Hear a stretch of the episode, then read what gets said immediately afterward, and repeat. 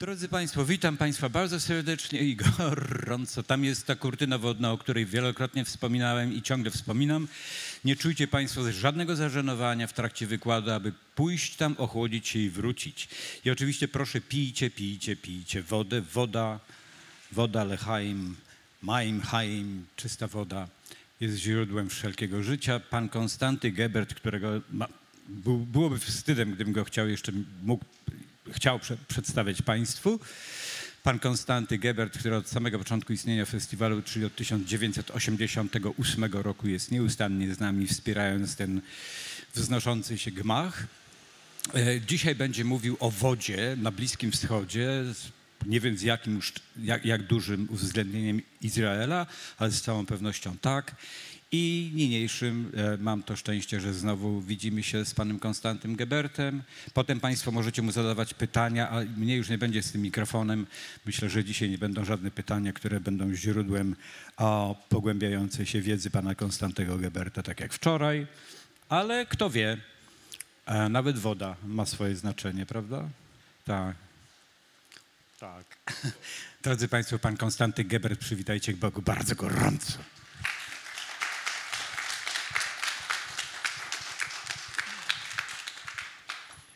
No ogromnie Państwu dziękuję, żeście e, postanowili stawić czoło upałowi i, i przyjść tutaj, choć rozumiem, że kurtyna wodna jest e, równie dużą atrakcją jak cokolwiek, co byłoby tutaj mówione, e, co jest zresztą bardzo dobrym empirycznym dowodem na to, jak niesamowicie ważna jest woda, która jest tematem dzisiejszego, tego, tegorocznego e, festiwalu.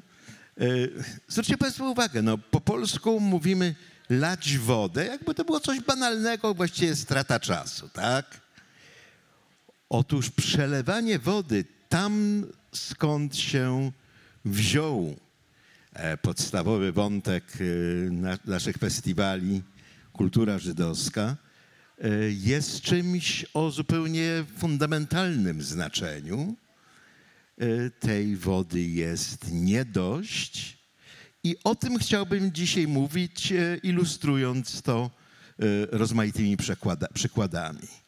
Ale w ogóle jest tak, że cztery żywioły dostarczają niezłego pryzmatu, poprzez który można, można myśleć o konfliktach geopolitycznych Bliskiego Wschodu. Ziemia, no wiadomo, zaczynamy od ziemi zbyt obiecanej i wszystkich konfliktów, jakie wokół niej urosły i nadal trwających, intensywnych konfliktów terytorialnych, konfliktów o ziemię w Izraelu, wokół Izraela i na całym Bliskim Wschodzie. E, powietrze wydawało się strefą bezpieczną, prawda? Jeżeli nie przynosi jakichś świństw w postaci wirusów i innych covidów, to właściwie powinno być strefą neutralną i bezpieczną. No to oczywiście nie docenia ludzkiej pomysłowości. E, dzisiaj rakiety i drony zmieniły powietrze w pole bitwy. E, widzieli, widzimy to codziennie w Ukrainie, widzieliśmy to podczas wojny w Karabachu. E, I żyjąc w Izraelu, nie sposób po prostu nie myśleć o tych 150 tysiącach rakiet, jakie są zmagazynowane w Libanie i w Syrii, i gotowe do odpalenia na kraj e, przy następnym konflikcie. Nie istnieje żadna przeciwlotnicza obrona, która byłaby w stanie stawić czoła 150 tysiącom rakiet, a to nie jest duży kraj. Ziemia, powietrze, ogień. No, ogień to rzecz jasna ropa naftowa i gaz, tak? Nasze podstawowe źródła energii i ognia, których ogromne zasoby znajdują się na Bliskim Wschodzie, co z kolei powoduje, że ten nieszczęsny Bliski Wschód jest tak geopolitycznie ważny. No pomyślcie Państwo przez moment, e, gdyby te zasoby ropy i gazy, gazu były gdzie indziej, to konflikty bliskowschodnie byłyby jakąś prowincjonalną historią, która czasem się przebija na strony gazet w sezonie ogórkowym, jak już naprawdę nie ma o czym pisać, a generalnie byłyby tak samo ważne jak no, konflikty na Półwyspie Indochińskim. to właśnie obecność tego ognia sprawia, e, że w tandetnej dziennikarskiej metaforyce możemy mówić o tym, że bliskowschodnie konflikty mogą podpalić świat. No i wreszcie temat naszego spotkania dzisiejszego woda, która się wydaje czymś zupełnie banalnym, a która na Bliskim Wschodzie dosłownie jest kwestią życia i śmierci. Na tym zdjęciu widzicie Państwo tamę w Meribie e, w Jemenie, e, zbudowaną jako jakieś 1700 lat temu, plus minus 50, ogromną 20-metrową tamę, której zburzenie zapoczątkowało serię katastrofalnych zmian w Królestwie Himarskim, które panowało wówczas na ziemiach Jemenu i Omanu. I to jest mniej więcej tyle, co wiemy. Wiemy o tym e, z kronik aksumskich z publicznej Etiopii. E, tyle, że niedawno e, szwajcarscy geologowie wykonali zabieg pozornie w każdym razie dość barbarzyński, ale bardzo przydatny. W wielkiej jaskini w pobliskim Omanie e, ucięli jeden stalaktyt i zbadali jego słoje. Stalaktyty przerastają tak jak drzewa przerastają, tak? No bo to ścieka woda i przy dokładnej analizie można zmierzyć szerokość tych słojów, a tym samym stwierdzić, e, ile wody spadło w ciągu jednego roku. Otóż pod koniec szóstego stulecia ery wspólnej e, te słoje przylegają do siebie. Jest to największa zarejestrowana w historii susza. E, wtedy właśnie padła Tama w Meribie. Padła zresztą w sposób niezmiernie interesujący, mianowicie w poprzednim roku, przed jej upadkiem, panowała ogromna susza, ta właśnie susza, którą możemy odczytać ze słojów na, na omańskim stalaktycie, która wysuszyła cegły, z których zbudowana jest ta tama, tak bardzo, że kiedy w następnym roku pojawiły się niesamowite ulewy, tama nie wytrzymała naporu wód. Wcześniej istniała w, w, w, tych cegłach, było trochę wilgotności, które jakby uodporniały je na napór wód. Tutaj runęło tyle wody, że tama nie wytrzymała, pękła, padła i wraz z nią padło żydowskie królestwo himarskie w Jemenie, które istniało tam przez jakieś, no przynajmniej 500 lat. Tutaj historycy się spierają. Padło częściowo pod ciosami chrześcijańskiej inwazji z Aksum, która z kolei była reakcją na prześladowania chrześcijan w Himarze. Natomiast padło przede wszystkim dlatego, że nie było w stanie zapewnić e, swoim mieszkańcom e, podstawowych zasobów wody, a więc także nie, było, nie, nie można było uprawiać plonów. I jedną z konsekwencji tej gigantycznej katastrofy E, był e, burzliwy rozwój islamu, który wziął cały Półwysep Arabski szturmem w obliczu katastrofy i istniejących e, państwowych struktur i dotychczasowych światopoglądowych wyjaśnień świata. E, rozmaite apokaliptyczne elementy, które znajdujemy w niektórych muzułmańskich e, nauczaniach, no między innymi z tego się biorą, z, tej, z tego kataklizmu, z którego islam się wyłonił. To jest przypis do strony, ale przypis, który mi się wydaje ważny, ponieważ pokazuje, jak ogromne, bezpośrednie i namacalne znaczenie dla praktycznej geopolityki ma skromna woda. I to widzimy też na tym zdjęciu, e, jeżeli tylko mi się udaje uruchomić. E, No nie bardzo mi się udaje, nie bardzo wiem co. A może? A, o właśnie, przepraszam bardzo. Naciskałem nie ten guzik, Państwo wybaczą, jestem technicznym kretynem. E, To jest zdjęcie spod Jerozolimy. Ja- Jak Państwo na przykład idziecie sobie ze Skopusu e, w stronę szpitala Augusta Wiktoria, e, to jest taka przełęczka mała. Ci Państwo, którzy tam chodzili, ją pamiętają być może. E, Sama w sobie nie jest jakaś szczególnie znacząca, natomiast ilustruje coś zupełnie fundamentalnego. Otóż na wiosnę, najlepiej tam pójść, po Jerozolimie dobrze chodzić w dowolnym momencie roku, ale żeby zaobserwować to, o czym mówię, najlepiej tam być tak na początku kwietnia, kiedy w Izraelu wybucha wiosna i wtedy zachodnie stoki przełęczki, e, to co Państwo widzą na tym zdjęciu na, po, po, po lewej stronie, wybuchają intensywną zielenią.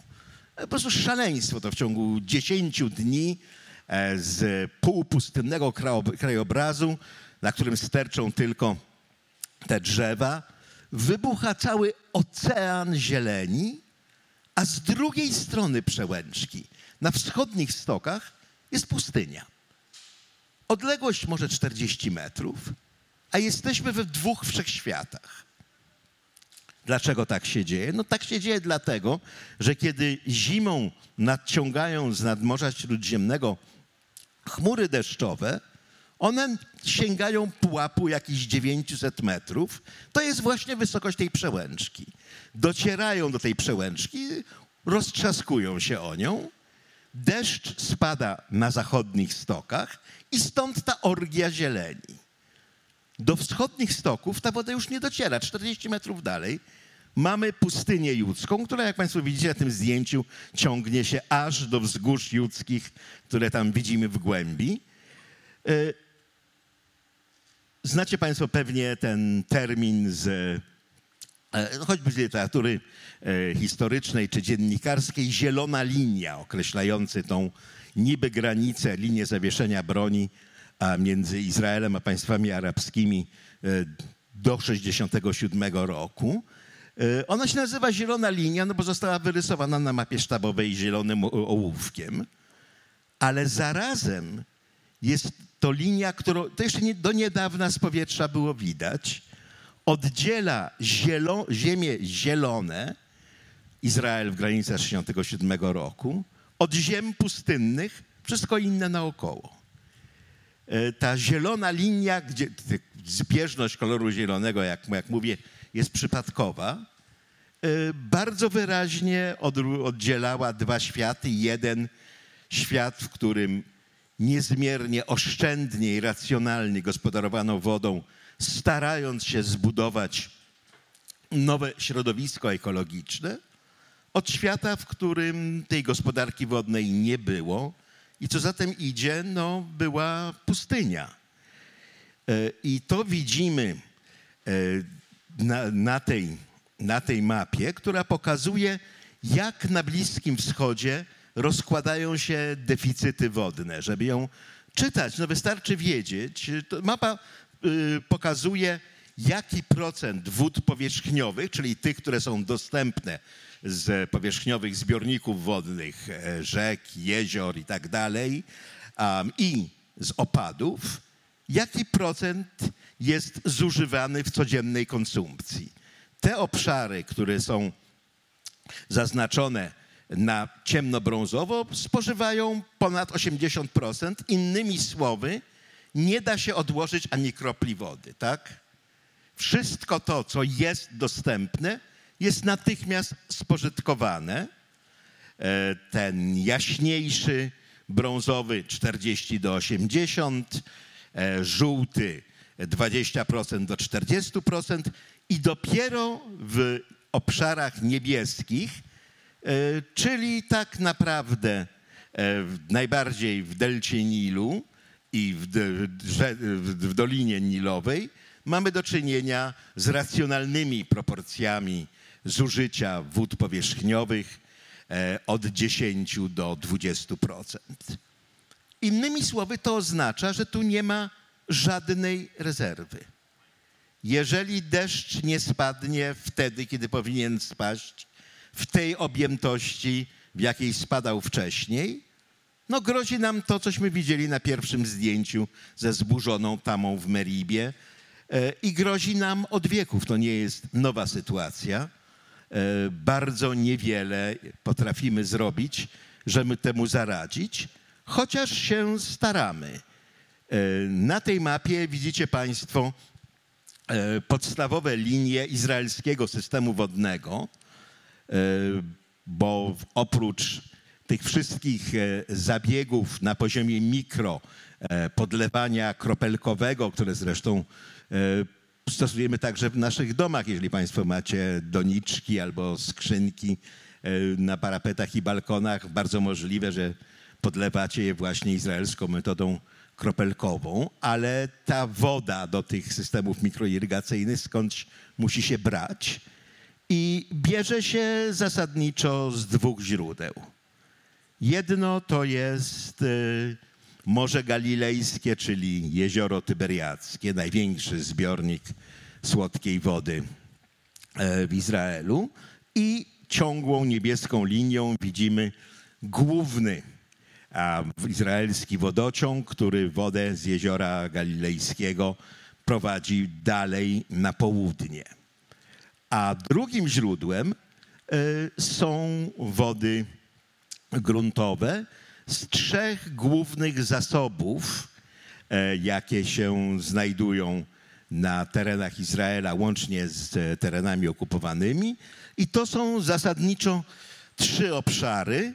Jeden to jest obszar przybrzeżny, leżący całkowicie e, w granicach Izraela. Drugi to jest obszar pod wzgórzami judzkimi, a więc tu po środku, a przy, przy tym górskim kręgosłupie Izraela. I trzeci to jest obszar e, wokół Hebronu, leżący na zachodnim brzegu, na terenach okupowanych. E, Być może czytaliście Państwo w minionych latach o izraelsko-palestyńskich konfliktach o wodę, o oskarżeniach, że Izrael zabiera wodę Palestyńczykom. E, I to jest niezmiernie interesujące, bo sytuacja wygląda jak następuje. Akurat gospodarka wodna e, została w porozumieniach z Oslo uregulowana bardzo nieźle. E, Istnieje e, zarząd wodny, w skład którego wchodzą Izraelczycy i Palestyńczycy, ale ponieważ podstawowym, podstawą, fundamentem tego systemu wodnego jest izraelski system wodny, e, Palestyńczycy odmawiają z powodów zasadniczych współpracy e, z izraelskim zarządem wód, twierdząc, że nie będą podlegali na, na swoich suwerennych ziemiach izraelskim decyzjom. Efektem jest to, e, że Palestyńczycy często kopią własne studnie głębinowe, które nie są skoordynowane z izraelskim systemem wodnym, e, co jest w Izraelu nielegalne. W Izraelu nikt nie może wykopać sobie studni głębinowej. Mało tego, e, w Izraelu e, prawo określa, kiedy można podlewać ogródki, a kiedy nie można. E, To jest klasyczny przykład tego, co w teorii gier się nazywa dylematem więźnia. To znaczy, jeżeli Izraelczycy i Palestyńczycy będą ze sobą współpracować w gospodarce wodnej, to jedni i drudzy będą korzystać. E, Jeżeli nie będą współpracować, to jedni i drudzy będą tracić. E, Palestyńską stratę widać na przykład w Gazie, która jest obszarem niedożycia z bardzo wielu powodów, a przede wszystkim na tym maleńkim spłachetku ziemi gnie, gnieździ się prawie 2 miliony ludzi, a tak naprawdę strefa gazy jest w stanie utrzymać, wykarmić i napoić jakieś 50 tysięcy. Czyli niezależnie od tego, czyja flaga będzie łopotała nad gazą, to ktoś, kto się urodził w gazie, urodził się w więzieniu i jest skrzywdzony z racji miejsca narodzenia, niezależnie zupełnie od, od geopolityki tego miejsca, ale dodatkowo życie w gazie w koszmar zamienia fakt, że tam prawie już nie ma wody. Palestyńczycy odmówili podłączenia gazy do izraelskiego systemu wodnego. Nie będzie okupant nam kontrolował wody. W związku z tym wszyscy zaczęli rabunkowo kopać studnie głębinowe. czego efektem jest to, że te zasoby e, wód leżących w Kanszasie dosyć płytko zostały wyczerpane, a także zasolone. Gaza jest obszarem przybrzeżnym. E, I efektem tego jest to, że Palestyńczycy muszą importować wodę e, albo z Izraela, albo z zachodniego brzegu, czyli z dwóch bytów politycznych, z którymi obecni władcy Gazy są w konflikcie, bo Hamas jest tak samo w konflikcie z Izraelem, jak jest z władzami autonomii palestyńskiej na zachodnim brzegu. A póki co rzeczywiście życie w gazie, gdzie nasze dzisiejsze temperatury są czymś raczej normalnym, w sytuacji, gdy nie ma wody, wyobraźcie sobie to Państwo, e, to musi powodować generalny wzrost wrogości i nienawiści do wszystkich, no bo wszyscy jakoś e, uczestniczą w tej, e, w tej sytuacji, która zaowocowała ekologiczną katastrofą. Izraelski system wodny opierał się bardzo długo na dość rabunkowej eksploatacji e, Morza Galilejskiego, które dramatycznie zaczęło opadać. E, Były takie lata, kiedy tafla wody opadała o niemal metr. Jeżeli Państwo pamiętacie takie zdjęcia, które czasem się pojawiają e, z Morza Aralskiego, gdzie pośród tego morza już nie ma. Pośrodku pust- pustyni, która powstała na jego miejscu, stoją wraki statków, które nie zatonęły, tylko osiadły na ziemi, kiedy cofnęła się woda. E, I bardzo się obawiano, że taki los może też spotkać jezioro galilejskie, co by oznaczało katastrofę ekologiczną, na pewno dla Izraela wraz z terytoriami, być może dla całego regionu. Udało się unormować tą eksploatację e, Morza Galilejskiego właśnie dzięki e, bardzo szczegółowej regulacji eksploatacji e, wód głębinowych. I tutaj się zderzyły interesy polityczne. Ten ob- obszar przybrzeżny, który jest głównym obszarem, z którego się czerpie wodę, jest w całości pod izraelską kontrolą i leży na terytoriach, które były izraelskie w, w ramach zielonej linii, o którejśmy mówili wcześniej. E, Izraelczycy go kontrolują, Palestyńczycy na niego nie zgłaszają pretensji. E, Obszar środkowy leży dokładnie pod zieloną linią. Innymi słowy, można czerpać z niego wodę od strony palestyńskiej i od strony izraelskiej. E, Izraelczycy uważali, że skoro Palestyńczycy mają trzeci obszar, ten wokół Hebronu, który leży na ziemiach, na których miało powstać państwo palestyńskie, to tam powinni wiercić sobie studnie i stamtąd czerpać wodę, e, a nie czerpać wody z tego wspólnego zbiornika, który leży pod ziemiami zarówno Izraela z 1967 roku, jak i zachodniego brzegu. Palestyńczycy na to odpowiadali, że ze swoich wód wokół Hebronu będziemy korzystać, jak będziemy niepodlegli, a póki co oczywiście będziemy korzystać z tych wód wspólnych i wam nic do tego. Efektem tego była, były wojny o wodę e, między Izraelczykami a Palestyńczykami. E, Władze izraelskie zamykały nielegalnie wywiercone studnie. Palestyńczycy pomstowali, mówiąc, że skazuje się ich na śmierć z pragnienia. I dopiero to, jak bardzo katastrofalne efekty miało to dla obu społeczności, dla Palestyńczyków, ponieważ rzeczywiście nie mogli uprawiać ziemi, dla Izraelczyków, dlatego że e, awaryjne dostawy wody na tereny palestyńskie były dużo kosztowniejsze i w sumie zużywały dużo więcej wody e, niż zużywaliby ich Palestyńczycy e, w sposób racjonalny, korzystając ze wspólnego zasobu. I w końcu, korzystając z tego, co ustalono w Oslo, przywrócono jednak wspólny izraelsko-palestyński zarząd wodny i konflikty o studnie głębinowe się skończyły. E, Skończyła się także masakra Morza Galilejskiego przez to, że więcej wód czerpano głębinowo, choć oczywiście to tylko odwleka moment, kiedy bilans wodny dla całego regionu e, stanie się negatywny. E, Jednym z przykładów tego, jak dramatyczna jest sytuacja, jest to, że niemal co roku w Knesecie pojawia się projekt ustawy zakazującej eksportu pomidorów, ogórków i cytrusów. No bo tak naprawdę to jest eksport wody, tak? To jest woda, która opuszcza terytorium narodowe i już do niego nie wraca. Jeżeli zjadamy te pomidory na miejscu, no to ich woda przychodzi przez nasz, nasz organizm, wraca do gleby. E, Większość zresztą wód używanych do irygacji w Izraelu pochodzi z recyklingu ścieków. Jeżeli te same pomidory wysyłamy za granicę, no to woda wyjeżdża i nie wraca. Z drugiej strony eksport tych wysokowodnych produktów rolnych jest dla Izraela tak dochodowy, że zrezygnowanie zeń stworzyłoby dość poważną wyrwę w budżecie.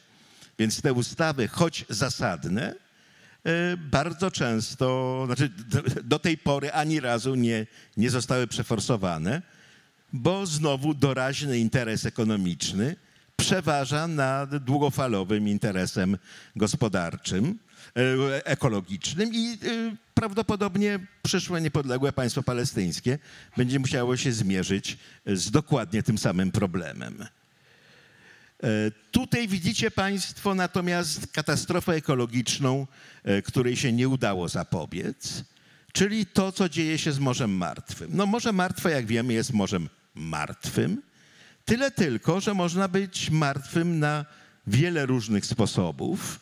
Jak Państwo patrzycie na tę kurczącą się plamę, e, to proszę pamiętać, że jej otulina, te kolejne odcienie szarości, e, to jest e, pierwotny obszar Morza Martwego, które się kurczy odkąd istnieją badania, a ton, ten, ten poziom skurczenia morza e, to jest z e, pół wieku, lata 60 do 2007, e, bo inaczej niż Morze Galilejskie, które jest zaopatrywane bezpośrednio ze źródeł Jordanu, który weń wpływa i wypływa, z deszczy i tak dalej. Morze Martwe jest zasilane wyłącznie Jordanem, a raczej tym, co z Jordanu zostało. E, Ci z Państwa, którzy byli tam, wiedzą, że e, Kissinger miał rację, jak powiedział, że nie było nigdy żadnej operacji PR-owskiej tak skutecznej jak promocja Jordanu. No Jordan znamy z tekstów biblijnych, płyń potężny Jordanie i tak dalej. Tymczasem jak się przejeżdża przez, e, autobusem przez most Allenbiego na granicy izraelsko-jordańskiej, no to przednie koła autobusu już są w Jordanii, tylne koła autobusu jeszcze w Izraelu, a pod spodem cieknie coś malutkiego, co w Warszawie bym por- porównał z rzeczką Świder. Nie wiem, jaka jest e, odpowiednia rzeczka w, Izrae- w Izraelu, w Krakowie. E, natomiast jest to rzeczywiście maleńka rzeczułka.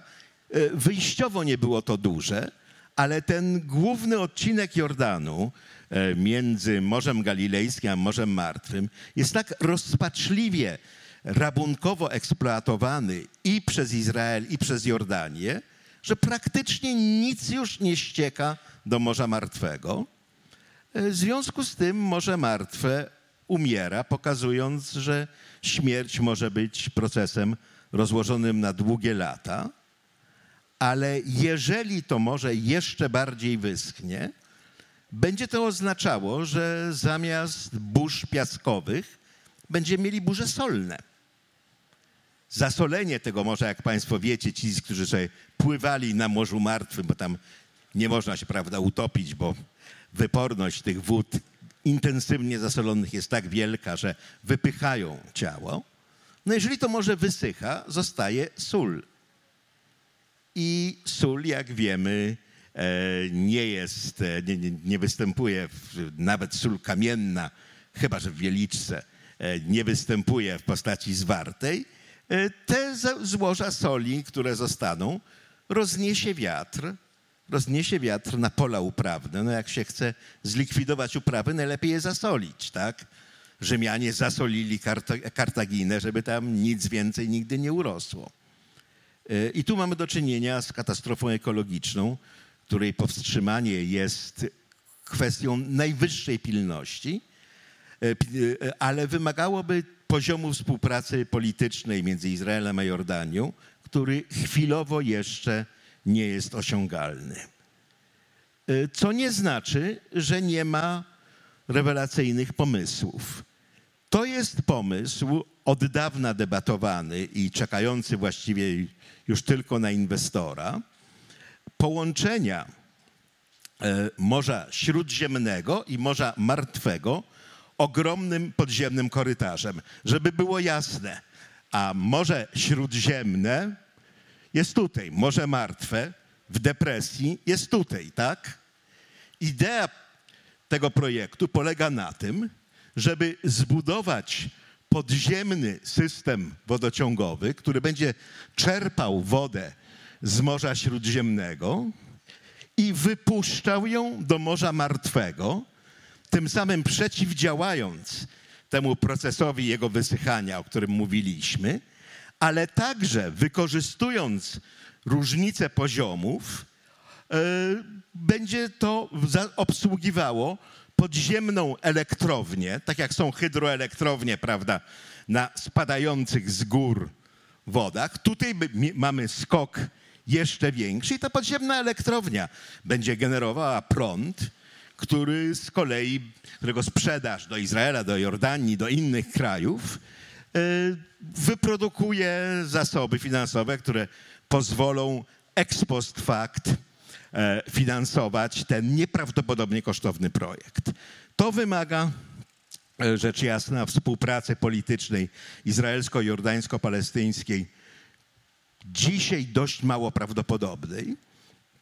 Natomiast sam projekt został zaaprobowany przez władze polityczne tych wszystkich trzech krajów e, i stanowi jedyny ratunek dla wysychającego Morza Martwego, a także e, propozycję produkcji energii elektrycznej e, w sposób ekologicznie sensowny e, i z ogromną wydajnością. No, trzeba tylko tych miliardów dolarów na start i pewności, że nikt tego nie będzie chciał zakłócać, tak?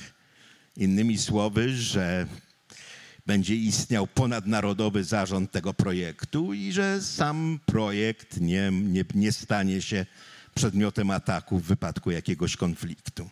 Takich zresztą wydawałoby się fantastycznych, a zarazem bardzo sensownych pomysłów na to, jak ratować region przed kryzysem wodnym jest więcej.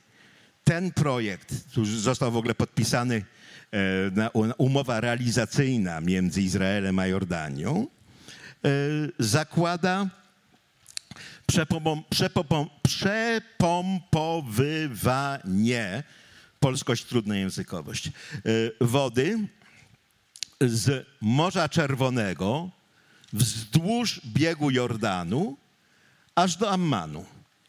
Innymi słowy, pomysł polega na tym, żeby de facto odwrócić bilans wodny, odzyskiwać z Morza Czerwonego to, co, to, co zostaje z Jordanu do tego Morza Czerwonego, pompuje. E, Po drodze e, odnoga tego systemu wodnego mogłaby także zasilać Morze Martwe i znów korzystając z różnicy poziomów e, stacja hydroenergetyczna mogłaby generować prąd. Tutaj właściwie już wszystko jest dogadane. Jest porozumienie izraelsko-jordańskie, są inwestorzy z Emiratów i z Kataru gotowi zainwestować w to ciężkie pieniądze. E, Nadal tylko taka no, biurokratyczno-polityczna inercja sprawia, że strasznie trudno jest to uruchomić, ponieważ za każdym razem, gdy pojawia się pomysł na taki wielki projekt infrastrukturalny, to ktoś z bezpieczeństwa izraelskiego, jordańskiego, palestyńskiego powie, no tak, no, trudno sobie wyobrazić o lepszy prezent dla terrorystów niż taka niezmiernie skomplikowana i bardzo kosztowna budowa, którą można rozwalić jedną rakietą czy jedną bombą. czy my naprawdę chcemy tego to ryzykować, czy jesteśmy tak rozrzutni, czy nas na to stać. I tego rodzaju uwagi z reguły zamrażają projekty do czasu, aż sytuacja bezpieczeństwa będzie lepsza, a nie będzie lepsza, będzie gorsza. E, jak bardzo sprawy wodne wpływają na sytuację geopolityczną, widzimy nie tylko w Izraelu. E, źródła Tygrysu i Eufratu są w Turcji. Eufrat wypływa, wypływa z Turcji do Syrii, Tygrys wypływa z Turcji do Iraku. Te wszystkie czarne kropki, które Państwo widzicie, to są tamy zbudowane przez Turcję na górnych biegach obu rzek. Turcja jest krajem bogatym w wodę, jedynym krajem na Bliskim Wschodzie, który ma pozytywny bilans wodny e, i zamierza wykorzystywać tę swoją wodną przewagę do końca, stając się nie tylko wodnym mocarstwem, ale i energetycznym mocarstwem, budując tę ogromną liczbę tam po to, żeby sprzedawać prąd do sąsiednich krajów oraz także, rzecz jasna, wykorzystywać ten prąd dla własnego rozwoju. E, dla Syrii te tureckie tamy na Eufracie oznaczały katastrofę ekologiczną.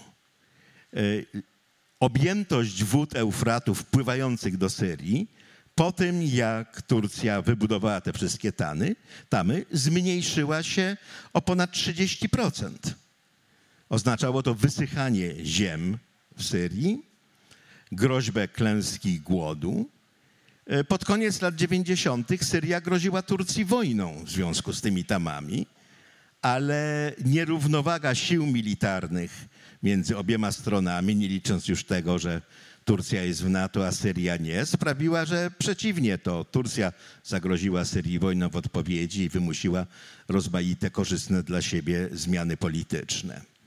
E, Irak jest y, nieco mniej zależny od tych źródeł wody, które są w Turcji.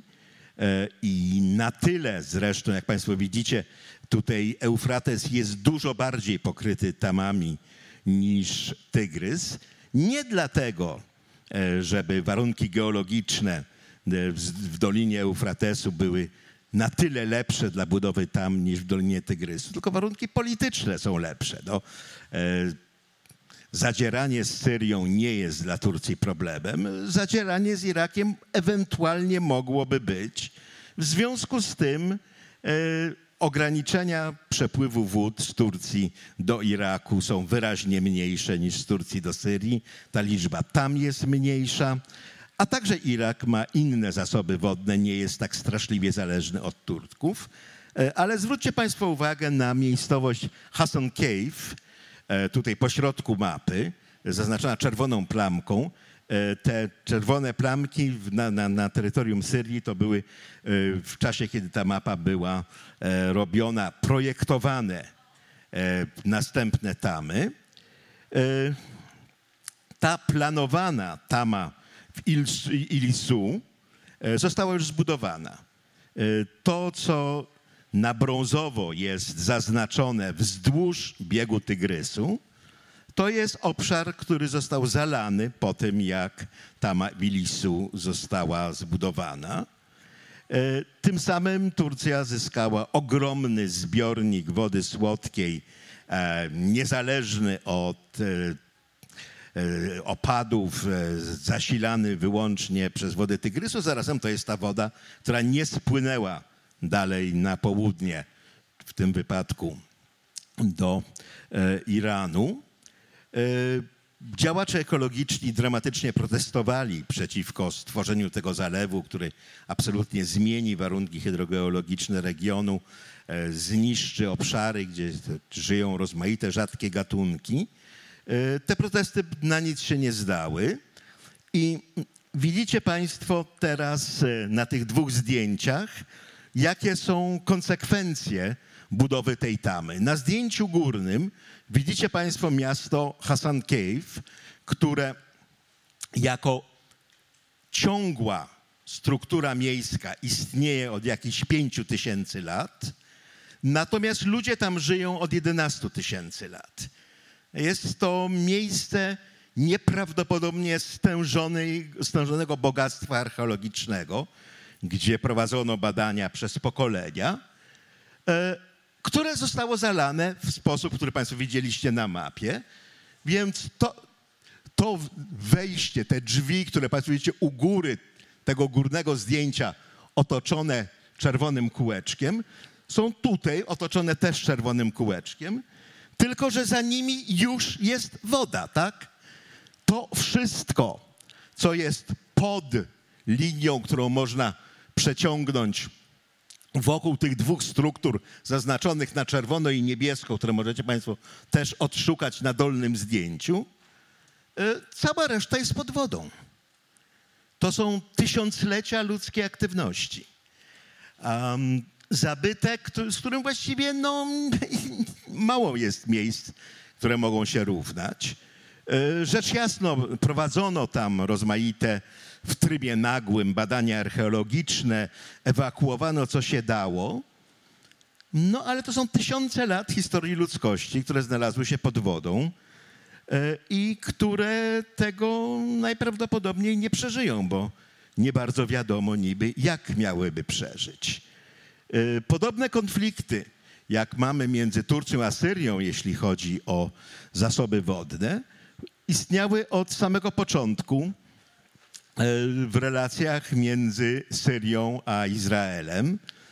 Z tym, że tutaj Syria nie była, nie, nie Syria była ofiarą innego państwa, jak w przypadku relacji z Turcją, ile raczej ona usiłowała zająć źródła Jordanu, który jest, jak widzieliśmy, no, podstawowym źródłem wody słodkiej dla Izraela. A granica między Izraelem a Syrią jest y, y, granicą y, z okresu międzywojennego między brytyjskim mandatem Palestyny a francuskim mandatem syryjskim, gdzie twórcy tej granicy, oba mocarstwa kolonialne, nie za bardzo się interesowali szczegółami tego, jak rozgraniczyć te ziemię. W związku z tym, jak Państwo widzicie, widzicie na północy, um, linia graniczna e, z, z okresu mandatowego, czyli ta linia przerywana, we wzgórzach Golan w którymś momencie po prostu kończy się w górach. Nie bardzo wiadomo, którędy dalej przebiega. I w, czy źródła Jordanu leżą na terytorium Syrii, czy na terytorium Palestyny. Anglikom i Francuzom było wszystko jedno. Izraelczykom i Syryjczykom nie jest. E, I to, do kogo należą źródła Jordanu, było jednym z najważniejszych punktów zapalnych od powstania Izraela w 1948 roku. E, wokół tego toczyły się wojny i w świetle prawa międzynarodowego e, sprawa jest niejednoznaczna. Podobnie niejednoznaczna sprawa jest z tym, gdzie przebiega granica wzdłuż wschodniego brzegu jeziora Kineret.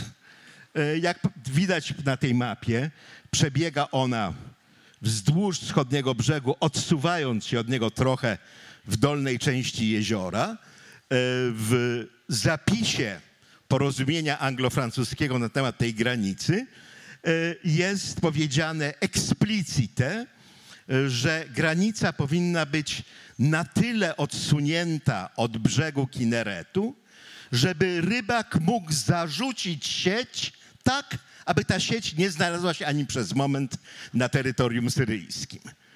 E, no to się wydaje dość racjonalnym kryterium, pod warunkiem, że nikogo tak naprawdę nie obchodzi, którędy przebiega ta granica.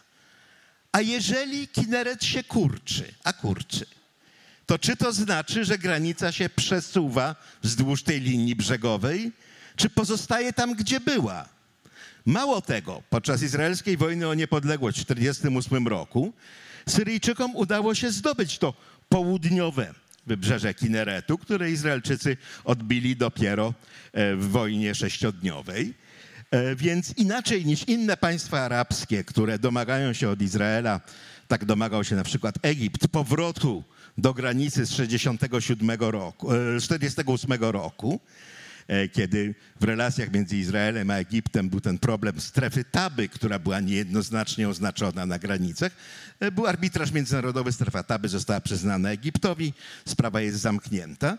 Na granicy syryjskiej Syria też się domaga powrotu do granic sprzed 1948 roku, no z wyjątkiem dolnego brzegu Kineretu, gdzie się domaga zachowania status quo po 1948 roku, no bo to są te ziemie, które Syria podbiła. A stan międzynarodowo-prawny, do którego można się odwołać, no jest właśnie mniej więcej taki, no, taki obszar, żeby rybak mógł zarzucić sieci.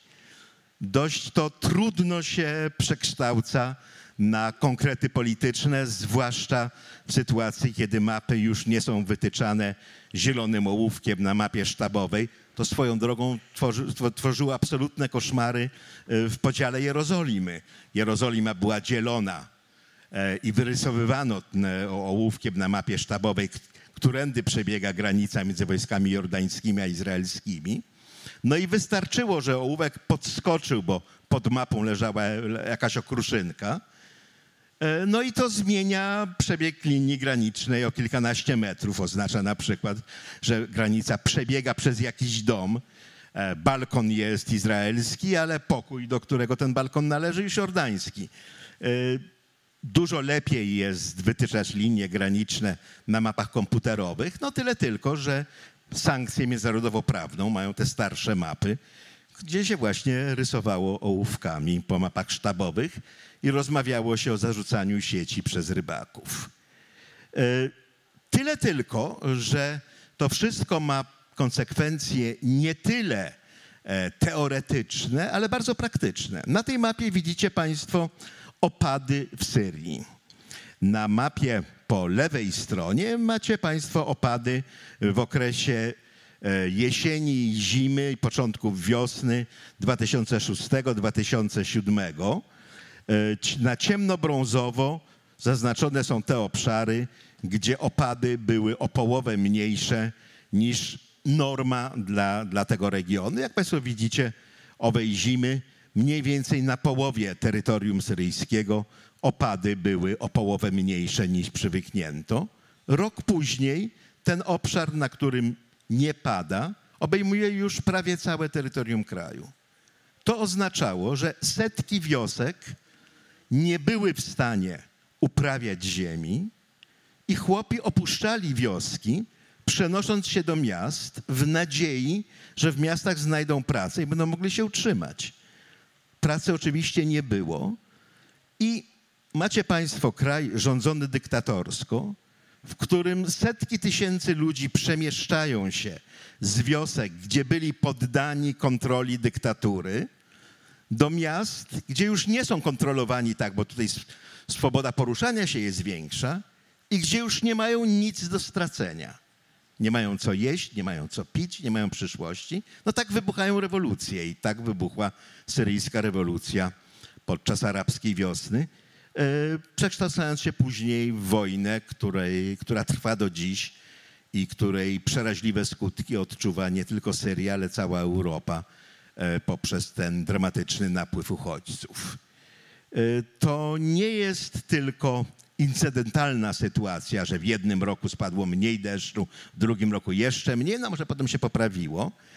E, Na tej mapie widzicie Państwo e, obszary urodzaju i nieurodzaju w Syrii. Nieurodzaj e, zaznaczony jest kolorem czerwonym i znowu w okresie 2007-2008 nieurodzaj objął cały kraj.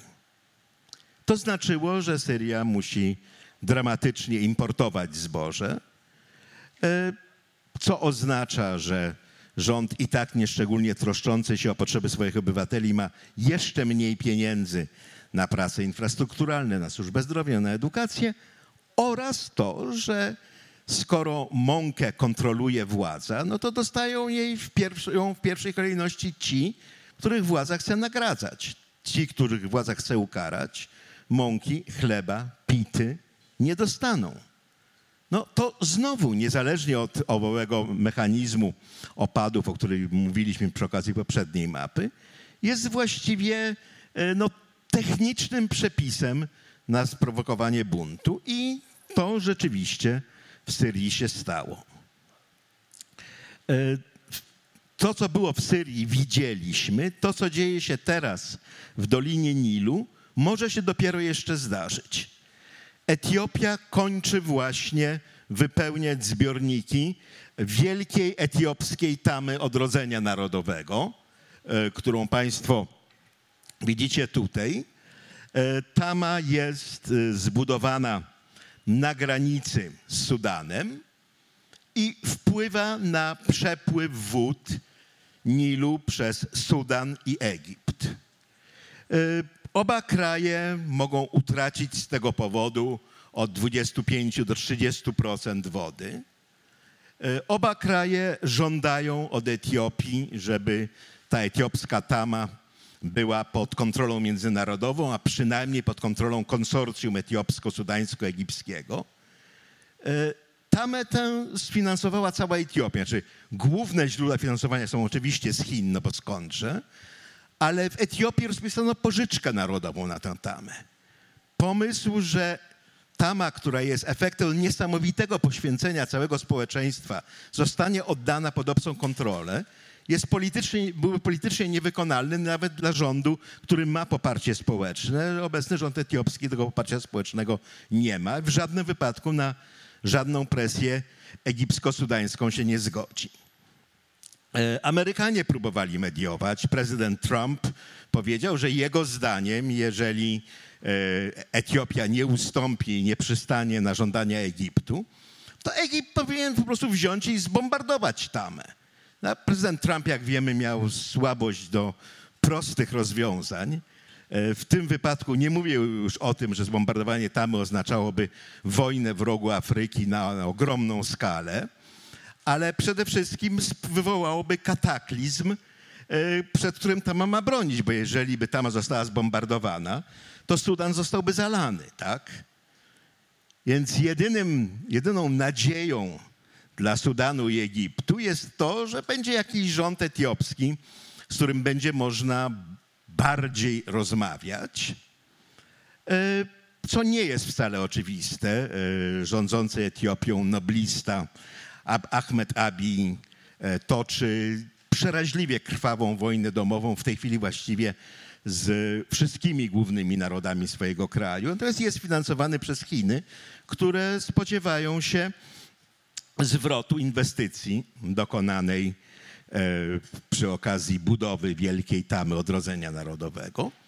I rzecz, rzecz jasna, podobnie jak e, w tych wspólnych transgranicznych projektach wodnych e, izraelsko-jordańsko-palestyńskich, czy podobnie jak gdyby była wspólna izraelsko-syryjska komisja do spraw zarządzania źródłami Jordanu, współpraca by problemy rozwiązywała. Ta współpraca tutaj jest absolutnie niemożliwa, e, czego konsekwencją rzecz jasna jest to, że przez cały czas e, między Etiopią, Sudanem a Egiptem iskrzy. E, W, kilka dni temu siedmiu sudańskich żołnierzy zginęło na granicy etiopskiej i Sudan zagroził wojną. Sam Sudan nie jest w stanie e, być militarnym zagrożeniem dla Etiopii. Natomiast wydaje się rzeczą dość oczywistą, że oba rządy wspierają liczne ruchy odśrodkowe działające w Etiopii, próbujące obalić rząd Abija. E, A chodzi o rzecz, wydawałoby się, tak prostą jak tama, na której teoretycznie korzystają wszyscy. E, Woda oczywiście nie musi być słodka. E, Wody morskie przykrywają gigantyczne zasoby, e, przede wszystkim złoża gazu ziemnego, które całkowicie odmieniły sytuację ekonomiczną Izraela oraz geopolitykę regionu. Jak Państwo wiecie, Golda Meir narzekała, że dlatego Mojżesz prowadził nas przez 40 lat przez pustynię, żeby znaleźć ten jeden kawałek Bliskiego Wschodu, gdzie nie ma ropy naftowej, tak? No, znaleźliśmy, ale na wodach terytorialnych Izraela znaleziono ogromne zasoby gazu ziemnego. jeszcze większe zasoby znaleziono na wodach terytorialnych Egiptu. I mamy bardzo bliską egipsko-izraelską współpracę przy eksploatacji tych zasobów, gdzie liczy się bardzo izraelska technologia, no i liczy się bardzo to, że egipskie zasoby są jeszcze większe. E, To, co jest produkowane, e, ta, ta objętość gazu, e, pokrywa całkowicie domową konsumpcję i umożliwia eksport.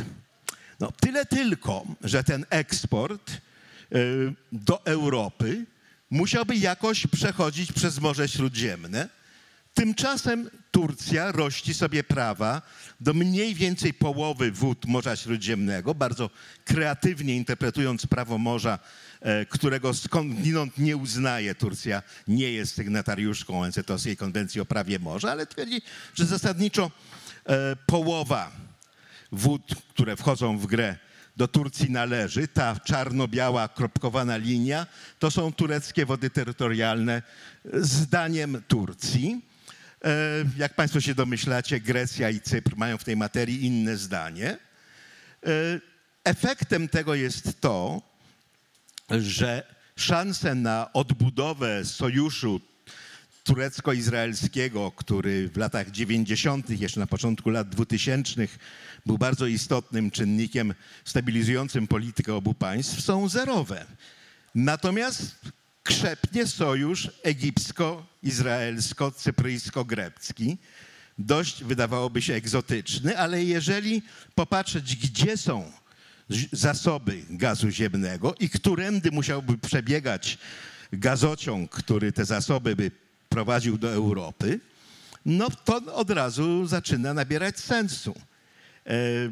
Do tego porozumienia izraelsko-egipsko-cypryjsko-greckiego dołączyła Jordania, która nadal nie, nie mając wód terytorialnych, no, nie ma zasobów ziemnych, to właściwie Jordania bardziej niż Izrael powinna się uskarżać na to, że jest tym jednym kawałkiem Bliskiego Wschodu bez ropy naftowej, a także autonomia palestyńska, która liczy w przyszłości na to, że będzie mogła eksploatować te zasoby, które są w wodach terytorialnych gazy, tutaj ten niewielki kawałek, a na razie rozpaczliwie potrzebuje gazu, e, podobieństwo nazw przy- zupełnie przypadkowe i ten gaz chce czerpać e, z zasobów izraelskich i egipskich.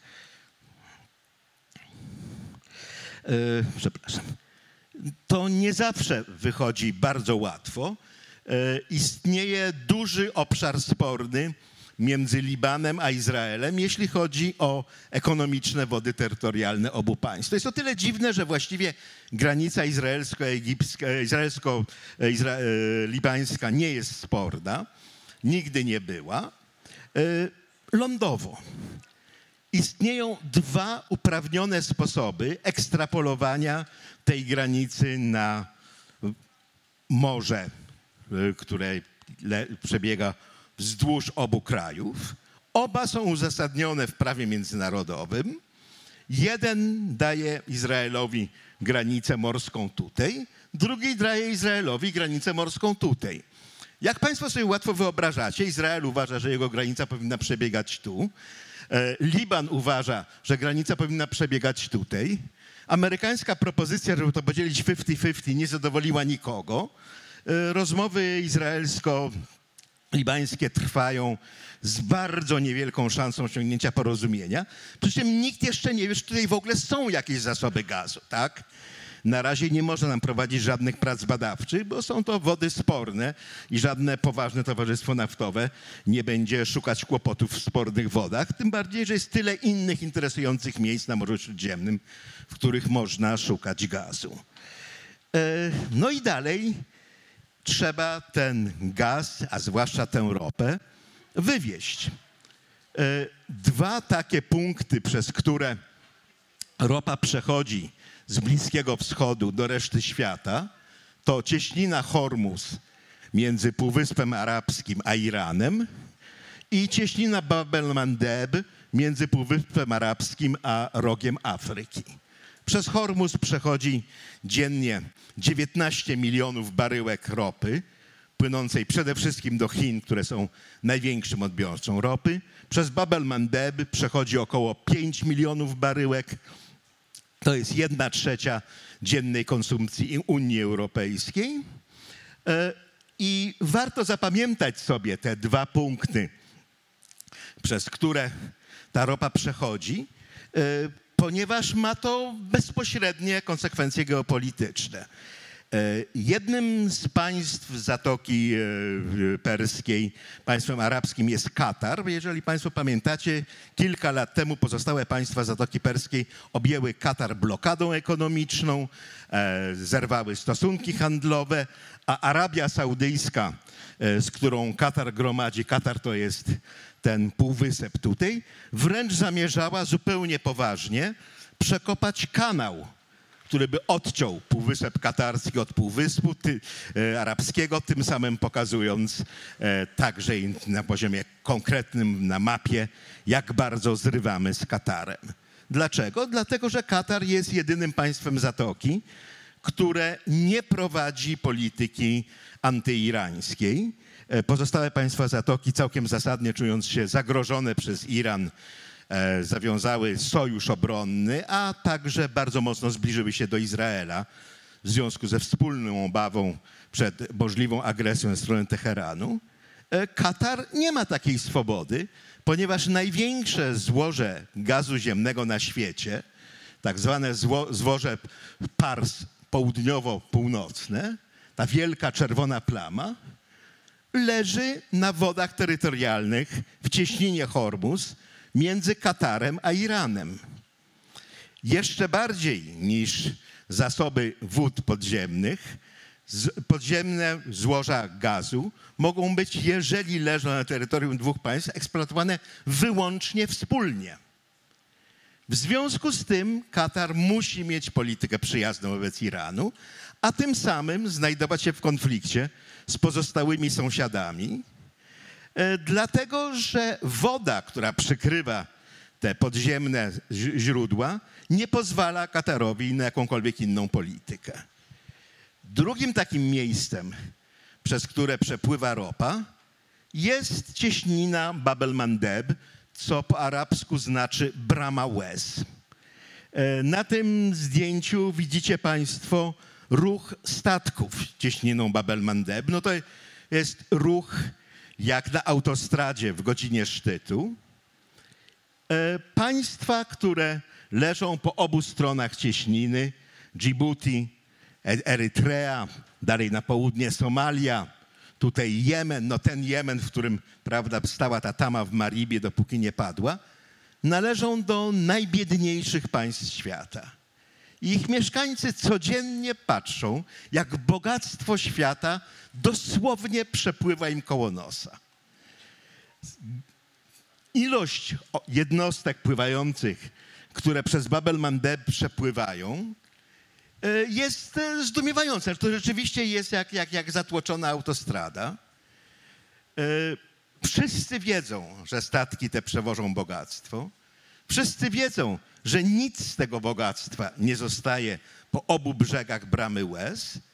I to, że tam właściwie nie doszło do jakiegoś wielkiego zamachu terrorystycznego na przepływające jednostki, jest niemal cudem, bo niewiele jest takich miejsc na świecie, w których sprzeczność między nędzą mieszkańców a bogactwem tych, którzy tylko przechodzą, jest tak oczywista. Ale być może jednym z powodów, dla których tam nigdy nie doszło do żadnego zamachu, jest to, że maleńkie Djibouti, tu Państwo widzicie, gdzie Djibouti leży, leży dokładnie u wejścia do Bab el-Mandeb między Erytreą a Somalią. Maleńkie Djibouti ma obecnie największe stężenie obcych baz wojskowych na głowę mieszkańca. E, Bazy wojskowe mają tam nie tylko Francuzi, co mogło być historycznie zrozumiałe, bo Djibouti było francuską kolonią jako francuskie terytorium Isów i Afarów od nazw dwóch wielkich grup etnicznych zamieszkujących kraj. E, Kraj ma około miliona mieszkańców, więc jest baza francuska. Jest baza amerykańska, co właśnie też nie powinno dziwić, bo Amerykanie mają wszędzie bazy. Jest baza włoska, co jakoś od biedy da się wytłumaczyć tym, że Erytrea i kawałek Somalii były koloniami włoskimi. Jest baza japońska. Jedyna japońska baza wojskowa poza terytorium Japonii. I jest baza chińska. Jedyna chińska baza wojskowa poza terytorium Chin. I oczywiście jedynym powodem, dla którego na tym maleńkim Djibouti jest tyle obcych baz wojskowych, jest właśnie to, że przez bramę łez przepływa bogactwo świata i wszyscy się okropnie niepokoją tym, y, że ktoś mógłby na tym bogactwie chcieć położyć łapę. Dla Djibouti to jest oczywiście błogosławieństwo. No, wszystkie te mocarstwa płacą wystarczająco dużo pieniędzy, żeby każdy mieszkaniec Djibouti mógł leżeć brzuchem do góry i nie pracować. Tyle tylko, że Djibouti, jak pozostałe kraje w okolicy, jest dyktaturą i póki co leży brzuchem do góry i nie pracuje. Pan prezydent, który jest wybierany już chyba po raz ósmy, e, zawsze z 90, 90 99% głosów dostaje. No, polska trudna językowość. E, I nie, nie, tylko dostaje te 99% głosów, ale niemal wszystko to, co wszystkie pozostałe mocarstwa płacą za to, żeby trzymać w Djibouti bazy, a on z kolei gwarantuje, że nikt tym bazom życia zakłócać nie będzie. E, zaczęliśmy od jednej tamy sprzed półtora tysiąca lat i takiego przypadkowego zbiegu okoliczności, że susza sprawiła, że padło ostatnie wówczas żydowskie państwo, e, a także powstała trzecia wielka monoteistyczna religia. E, co teraz się zdarzy e, w związku z wodą?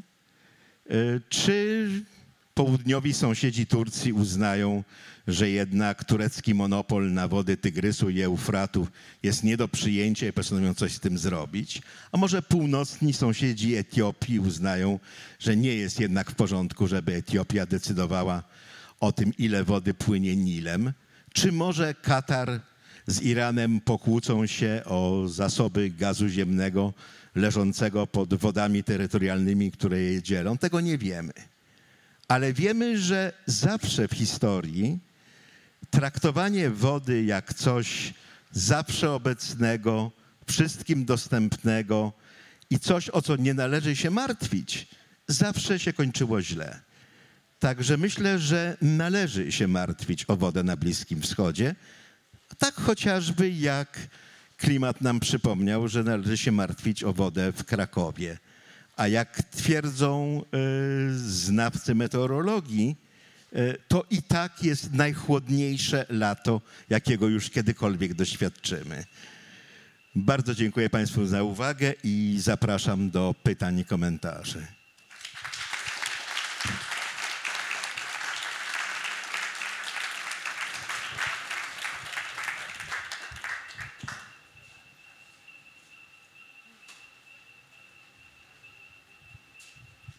Dzień dobry. Chciałem pana zapytać, dlaczego nie wspomniał pan o odsalaniu wody w Izraelu? Ma pan absolutnie rację. Ja nie wspomniałem o tak skromnie licząc pięciu tysiącach rzeczy, o których należałoby wspomnieć. Odsalanie jest jednym z czynników, które uratowały e, Morze Galilejskie.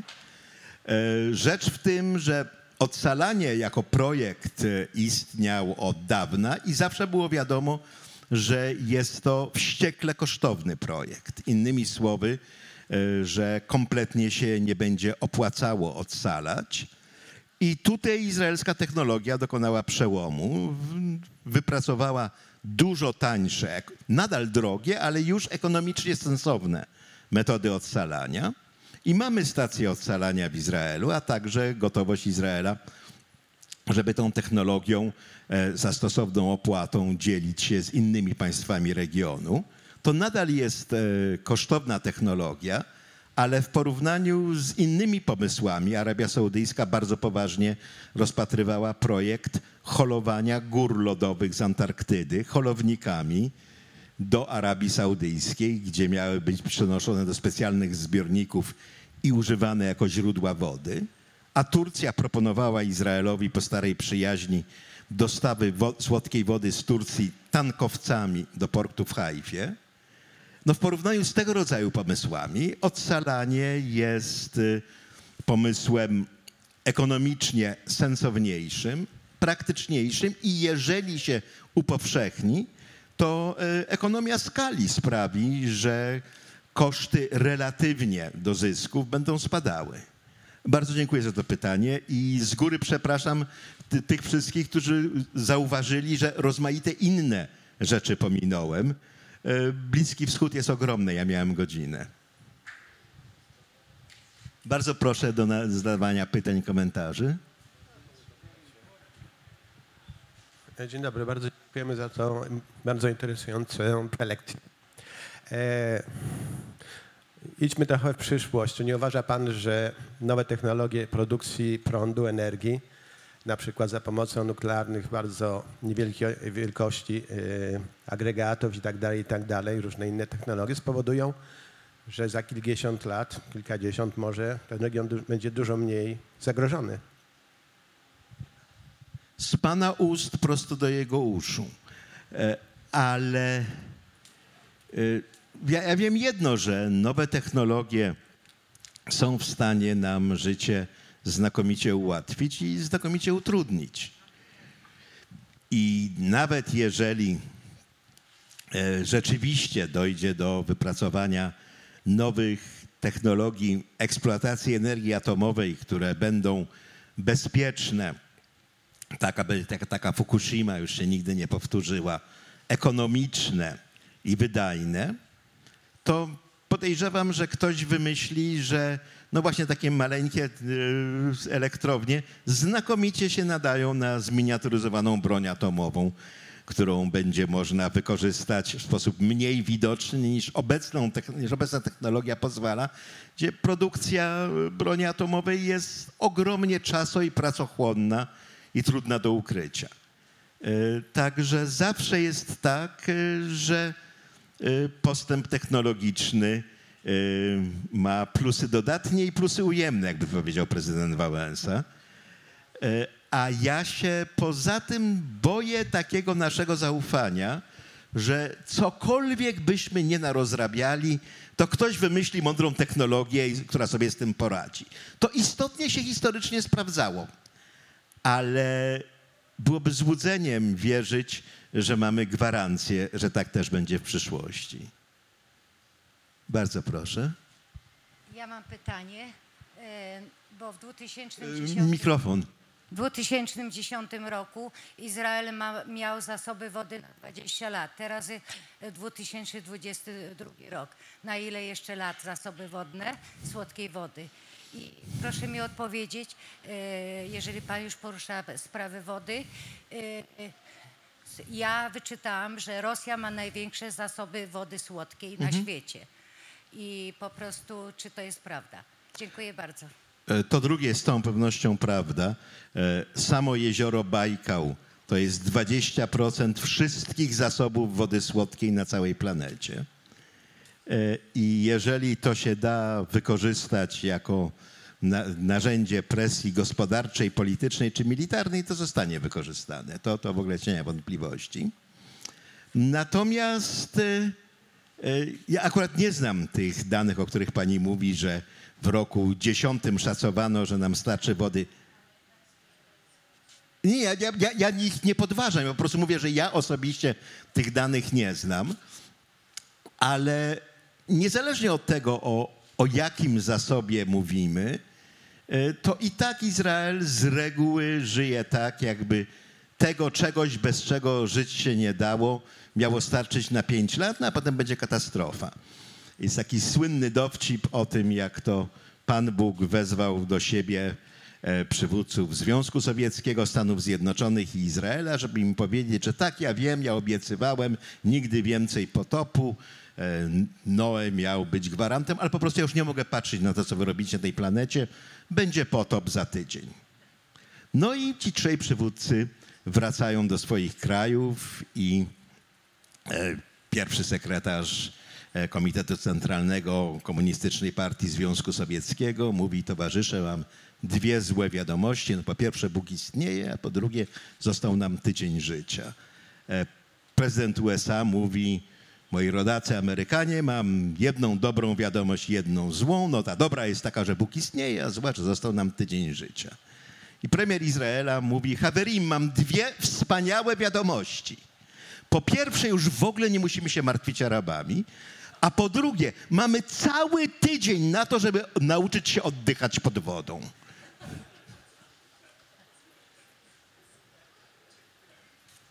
Bardzo proszę.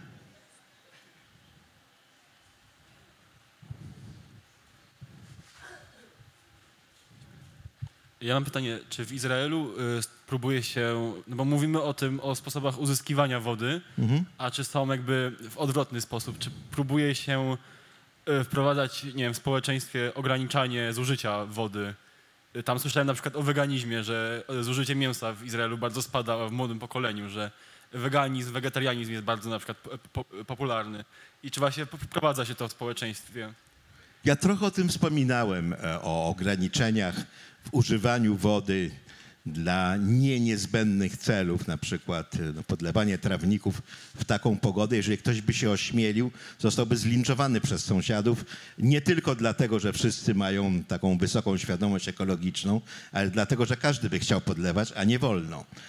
E, Także i to, że recycling wody jest nieprawdopodobnie skuteczny i że woda używana dla celów technicznych, irygacyjnych to jest przede wszystkim woda z oczyszczonych ścieków, także w efekcie tej wody marnuje się dużo mniej niż w jakimkolwiek innym miejscu na kuli ziemskiej. To też jest e, tego konsekwencją. No i e, to, że próbuje się zabronić eksportu cytrusów dość bezskutecznie, y, wynika z tego samego myślenia.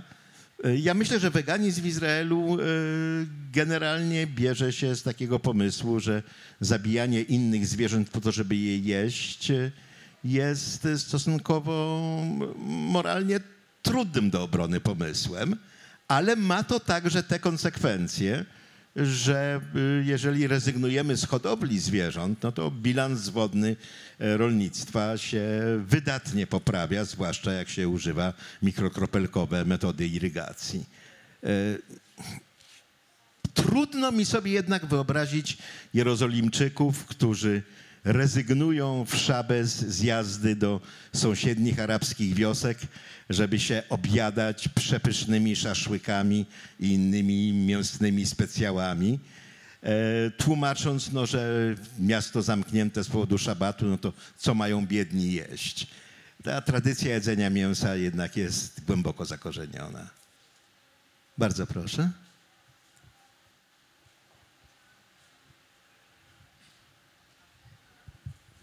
Bardzo dziękuję za, za, za ten wykład. W godzinę można było się e, naprawdę bardzo dużo dowiedzieć, jakie to jest wszystko trudne, skomplikowane, a momentami, przepraszam za wrażenie, popieprzone przez tych durnych polityków i wojskowych. Ale mam takie jedno szczegółowe pytanie e, o ten przekop z e, Morza Śródziemnego. Czy po tym przekopie coś zagraża Morzu Śródziemnemu? Czy Nie zrozumiałem pytania. Y, Czy ten rurociąg zagraża w jakimś stopniu wodą y, Morza Śródziemnego? No, w dłuższej perspektywie hipotetycznie tak. E, Morze Śródziemne jest słabo zasilane e, rzekami, jest bardzo eksploatowane. E, Sam ten rurociąg nie, nie zmieni dużo w bilansie wodnym, ponieważ no, basen Morza Martwego pomieści tyle, ile pomieści. To nie jest duży akwen. Problem oczywiście polega na tym, że jeżeli ten projekt się uda, no to wszyscy wokół uznają, że to jest fantastyczny projekt, no to pompujmy te wody z Morza Śródziemnego po to, żeby zasilić jakieś inne morza czy jeziora. Jeżeli to się jeszcze połączy z desalinizacją, a więc pozyskiwaniem z Morza Śródziemnego słodkiej wody, no to rzeczywiście za jakiś czas Morze Śródziemne może wyglądać jak aralskie. Ale na krótką metę nie, to po prostu nie, nie, nie, nie jest ta skala. Bardzo proszę.